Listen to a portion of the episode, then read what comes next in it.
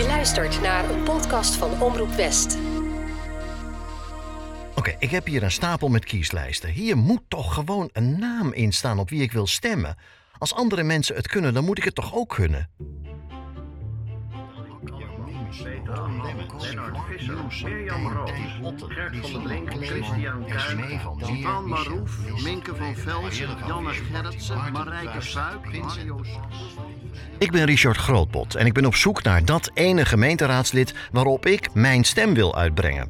Want op het moment zou ik het niet weten. Er zijn lijsten vol met namen, allemaal mensen die ik niet ken. 16 maart zijn de verkiezingen. De gemeenteraad is de afgelopen jaren wel steeds belangrijker geworden in ons leven. Het kabinet schuift meer en meer verantwoordelijkheden door naar de gemeente. Dus die lijsten met al die onbekende namen, die worden steeds belangrijker in ons leven. van Velsen, Janne Gerritsen, Marijke Fuik, Mario Schuurman, En als je op iemand stemt, kun je die dan ook vertrouwen? Zit die er dan ook straks namens jou, namens ons? Of is die vooral ook een beetje voor zichzelf bezig? Je luistert naar de podcast Stem van West. Dit is aflevering 2. Vertrouwen is een groot woord.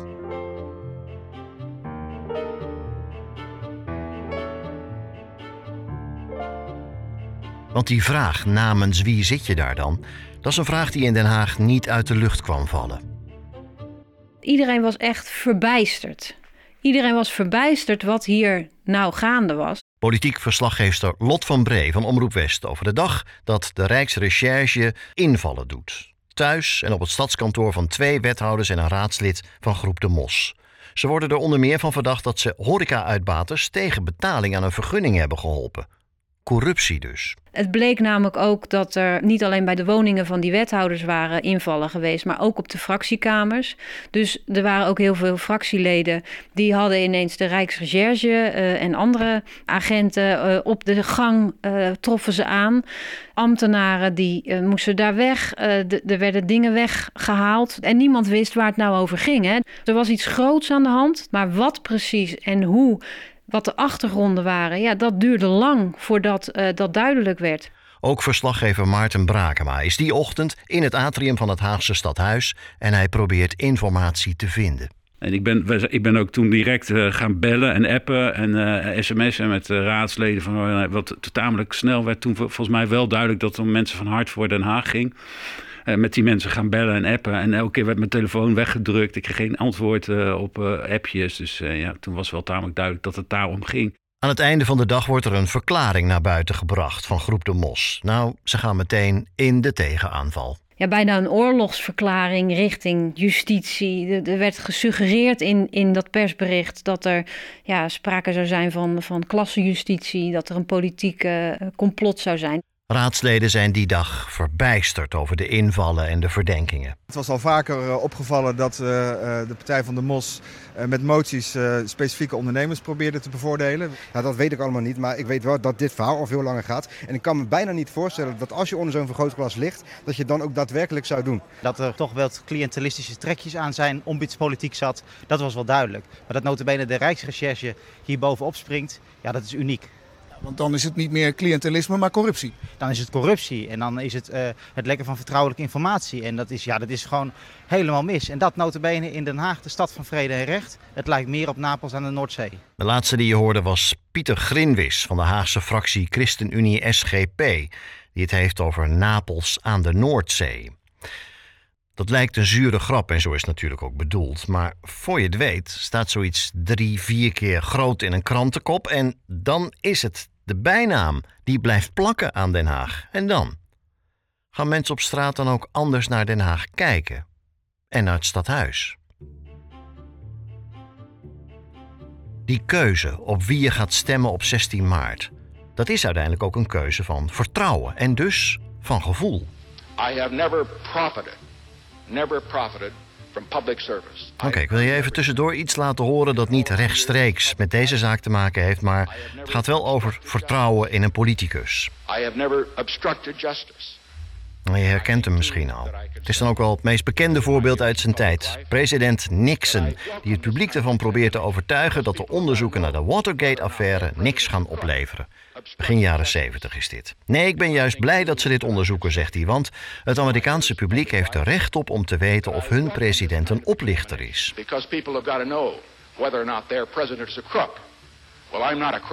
En wat opvallend is, is dat de meerderheid van het Amerikaanse publiek er vertrouwen in Nixon al kwijt was voordat de echte resultaten van het onderzoek op tafel lagen. De suggestie was al genoeg. Later bleek trouwens dat hem terecht zaken verweten kon worden. Je zou er massapsycholoog voor moeten zijn, maar als het gaat om vertrouwen, dan is dat moeilijk rationeel te verklaren. Want het is niet rationeel, het is geen zakelijke afweging, het is een gevoel. En daardoor kan het lastig zijn om achteraf te analyseren wanneer en waarom je dacht: op die persoon ga ik stemmen. Die vertrouw ik. Of nu vertrouw ik hem niet meer. Oké, terug naar ons verhaal. Vertrouwen komt te voet en gaat te paard, dat zegt het spreekwoord. Maar in Den Haag reisde het vertrouwen die week per limousine. De twee wethouders worden in een campagne-limo naar het stadhuis gebracht om hun ontslagbrief in te leveren. Ja, ik kom ontslag aanbieden. Dat heeft de raad gevraagd. Ja, dat doen, ze- deden ze dan wel weer in groep de Mos-stijl. Eh, met ook veel pers kwamen zij aanrijden in een grote limousine. Waarop stond, eh, zet ons, ons op 23. En daar bedoelden ze mee eh, van de campagne is vandaag begonnen, zet ons op 23 zetels. Zo zijn ze aangekomen rijden op het stadhuis. Ze zijn naar binnen gegaan, hebben een verklaring aan de pers afgegeven. Dat zij hun ontslag dus zouden indienen. Eh, en dat hebben ze toen gedaan op die, op die, die middag. Het is voor het eerst dat ik weer naar, naar binnen ga, ja. Richard de Mos, hij stapt dan wel op als wethouder, maar hij maakt die dag ook meteen bekend: ik blijf in de gemeenteraad. Hoe verstandig is het dat u weer teruggaat in de raad? Buitengewoon verstandig, want er hebben tienduizenden mensen op mij eh, gestemd. En die tienduizenden mensen die verdienen iemand die zich met eh, hart, ziel en zaligheid inzet voor de stad. Dat heb ik altijd gedaan. En Toen wisten die tienduizenden mensen nog niet dat er een onderzoek naar u loopt. ja, dat is dus een onderzoek met eh, verdachtmakingen. Eh, ik voel mij verplicht naar die tienduizenden mensen om mij eh, keihard in te zetten voor die mensen. Dat heb ik altijd gedaan. Die mensen die weten dat ook. Ik voel enorme eh, steun vanuit de stad. De roep om door te gaan is enorm. En dus ga ik door. Hun weerwoord is alleen maar: wij hebben niks gedaan. Dus je zit in een soort impasse. Je weet niet wat waar is en wat niet waar is, wie je wel moet geloven of niet moet geloven. Het is gewoon voor, en dat is lastig voor de kiezers. Waar, op wie moeten ze stemmen en op wie gaan ze stemmen? En op basis waarvan, van welke informatie? Het is echt een vervel, hele ver- vervelende, lastige situatie. Veel mensen denken, hé, hey, dat is een partij die komt voor mij op... of die komt voor de belangen van mijn wijk op... of voor de belangen van mijn bedrijf. Maar tegelijkertijd ja, zit de kiezer natuurlijk met de vraag... geef ik dan de stem, als mijn stem... aan iemand die mogelijk eh, corrupt is... of verdacht wordt in een, eh, in een, in een zaak? Dat is toch moeilijk. Maar hoe hard zou die zaak tegen de twee oud-wethouders en dat raadslid dan zijn? Welke bewijzen zijn er? Nou, lang verhaal kort, daar kom je voorlopig niet achter.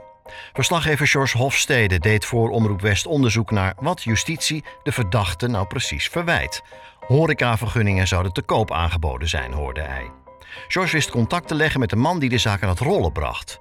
Een horeca-adviseur die te horen had gekregen dat als je een vergunning nodig had, dat je dan bij raadslid Nino Davituliani van Groep de Mos moest zijn. Door die melding zou de recherche gealarmeerd zijn. Een week of wat later heeft inderdaad die horeca-adviseur afgesproken met raadslid Nino Davituliani op het stadhuis. En zit een tafeltje verderop zit de Rijksrecherche mee te luisteren. Verslaggever George Hofstede kon een transcriptie van dat gesprek inzien. Wat is daar besproken? Kun je er illegale praktijken uithalen? Ik heb in ieder geval ook niet daarin gelezen iets, iets waarvan ik denk, nou, dit is corruptie. Want die Nino Davituliani die zegt, ja, dit, dit, weet je, dit zijn horecavergunningen. Hier ga, ik, hier ga ik ook niet over. Duidelijk bewijs is in die transcriptie van het gesprek niet te vinden. En ook als we verder kijken bij een vastgoedovereenkomst waarbij iemand van Groep de Mos zijn macht misbruikt zou hebben, blijkt keer op keer dat bij al die gesprekken ambtenaren aanwezig waren en andere wethouders op de hoogte waren. Maar ook wordt duidelijk dat de lijntjes wel telkens heel kort zijn tussen mensen van Groep de Mos en de horeca in de stad. Het lijkt er dan ook op dat we nog niet alles weten wat uit die onderzoeken van de Rijksrecherche is gekomen, zegt George Hofstede. Het is in ieder geval, heeft de Rijksrecherche verder onderzoek gedaan. Het is nog niet volledig bekend wat ze gevonden hebben, dus wie weet is er gewoon wat gebeurd. Nou, we kennen, we kennen Richard de Mos een beetje. Het is een man die veel haast heeft, snel wil handelen. Dus ja, ik sluit niet uit dat hij toch ergens misschien de bocht uit is gevlogen. Maar ja, ik, we hebben het bewijs hebben nog steeds, nog steeds niet gezien. Als we commentaar vragen bij het Haagse stadhuis krijgen we te horen... het onderzoek van de Rijksrecherche is buiten ons omgegaan. Het moet nog voor de rechter komen. We kunnen er heel weinig over zeggen. Dat klinkt begrijpelijk genoeg. Niemand wil de Rijksrecherche voor de voeten lopen. Maar als alle luiken dichtgaan en iedereen is bang om zijn vingers te branden... dan zorgt dat wel voor een sfeer waarin elk stukje informatie gewantrouwd wordt.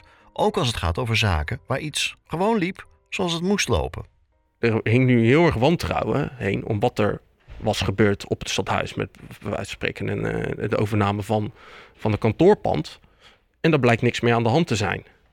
Dus juist doordat ze niet transparant zijn, maak je ook, hou je ook die schim van ja, dat het blijkbaar kan. Want je denkt, van een aantal dingen weet je wel wat er wat heeft plaatsgevonden. En waarom kan je daar nou niet gewoon eerlijk over zijn en ook laten zien van hé, hey, dit, liep, dit gebeurde er en dit liep goed.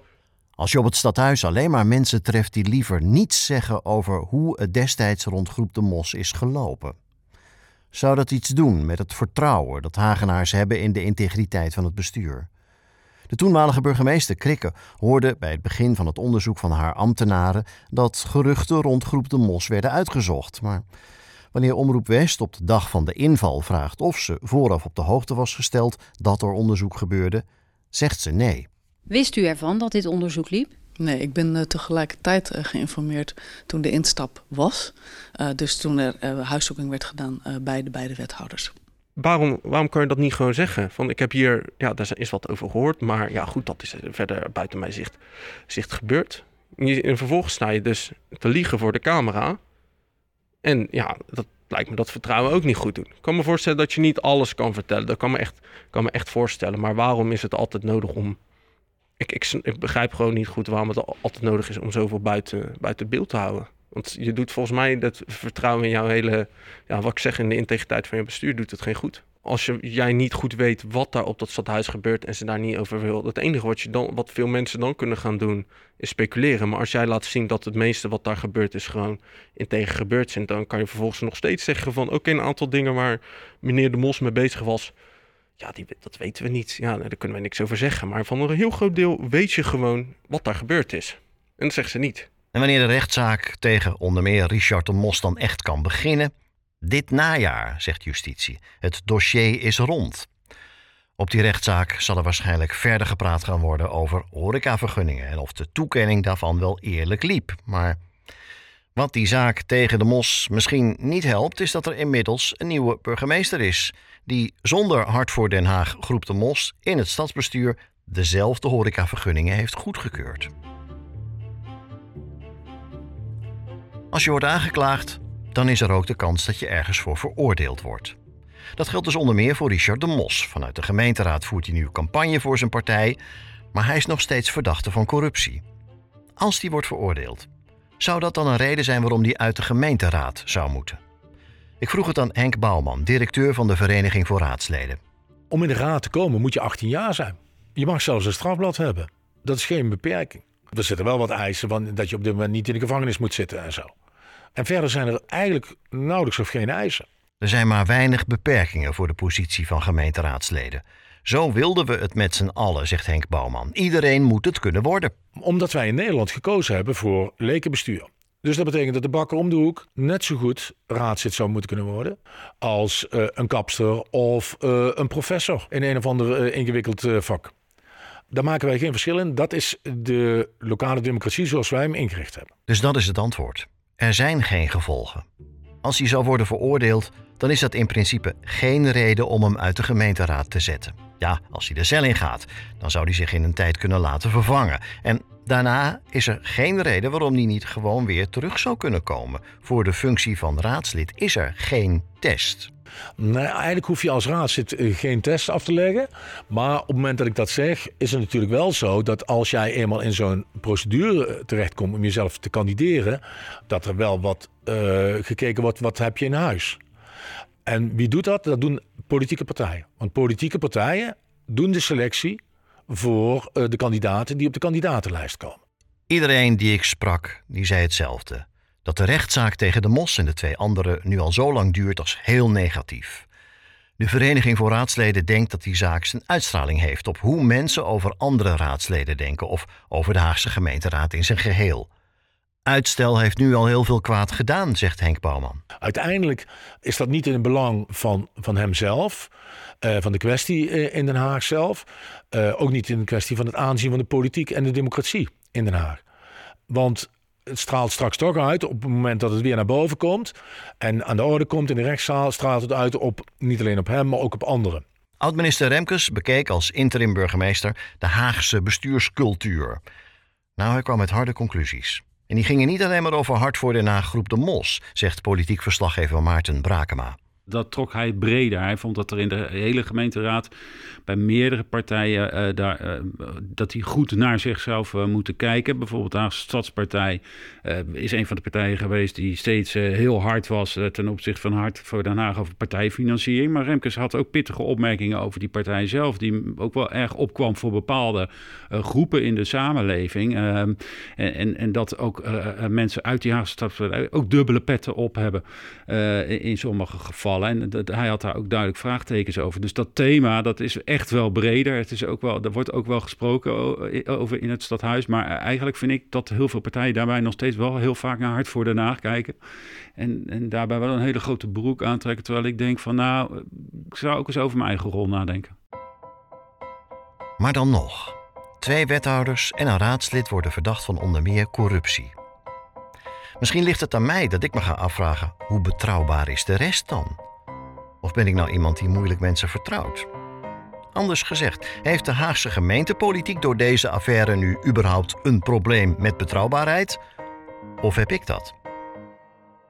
Sinds de inval is er wel iets veranderd in het stadhuis van Den Haag.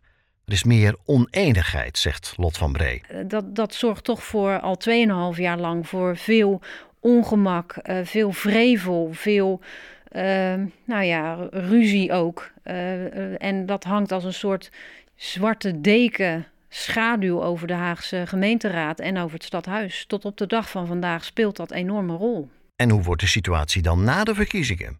Peilingen zijn weliswaar een tijdje geleden, maar ze laten wel zien dat er nog heel veel steun is voor Hart voor Den Haag Groep de Mos. En als dat zo blijkt te zijn, hoe moet er dan een nieuw stadsbestuur worden gevormd? Kijk, veel zal afhangen van hoe groot de mos wordt. Of die uh, echt, uh, kijk, ze zeggen zelf uh, 14, 15 zetels, dat gaat ons lukken. Bijna een verdubbeling. Nou ja, we gaan het zien.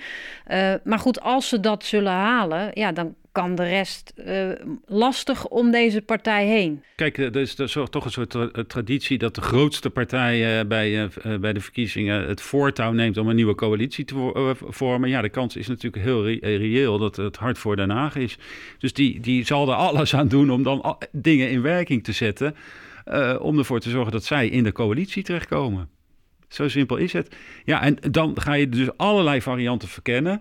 Dan moeten partijen dus heel duidelijk gaan maken waarom zij niet met die varianten eh, of eh, met die plannen of met die ideeën daarover over die nieuwe coalitie willen instemmen. En dan vervolgens komt dan de tweede partij, nou noem eens wat, wie dat gaat worden, D66, de VVD, kan van allemaal zijn in Den Haag. En die moet dan, dan een nieuwe coalitie gaan smeden. En dan zonder de grootste partij. Ja, ik vind dat is toch. Dat wordt een hele interessante periode na die verkiezingen. Maar goed, eerst komen die verkiezingen nog. En intussen weet ik nog niet op wie ik nou het beste kan gaan stemmen. Volgens mij moet ik het gewoon heel anders aanpakken. Meer op de kwesties gaan filteren waar je voor of tegen kunt zijn. In de komende aflevering kijk ik rond in de Bollenstreek. Daar heb ik jaren gewoond, elke dag zowat in de file gestaan. En de aanleg van een nieuwe provinciale weg, die lijkt verder weg dan ooit. De partijen staan lijnrecht tegenover elkaar. Hoe kun je het dan nog eens worden? Daar praten we over in aflevering 3 van Stem van West. Ik ben Richard Grootbot. Dit is een podcast van Omroep West. Als je dit een interessant verhaal vindt, schrijf dan eens een review bij Apple Podcasts of Google. Of laat een rating achter en deel de aflevering op Spotify gerust. Dan help je anderen weer om deze podcast te ontdekken. Vergeet niet om gratis deze serie te volgen of je te abonneren met de subscribe of abonneerknop. Dan verschijnen nieuwe afleveringen automatisch in je podcast-app. Bedankt voor het luisteren. Dit was een podcast van Omroep West.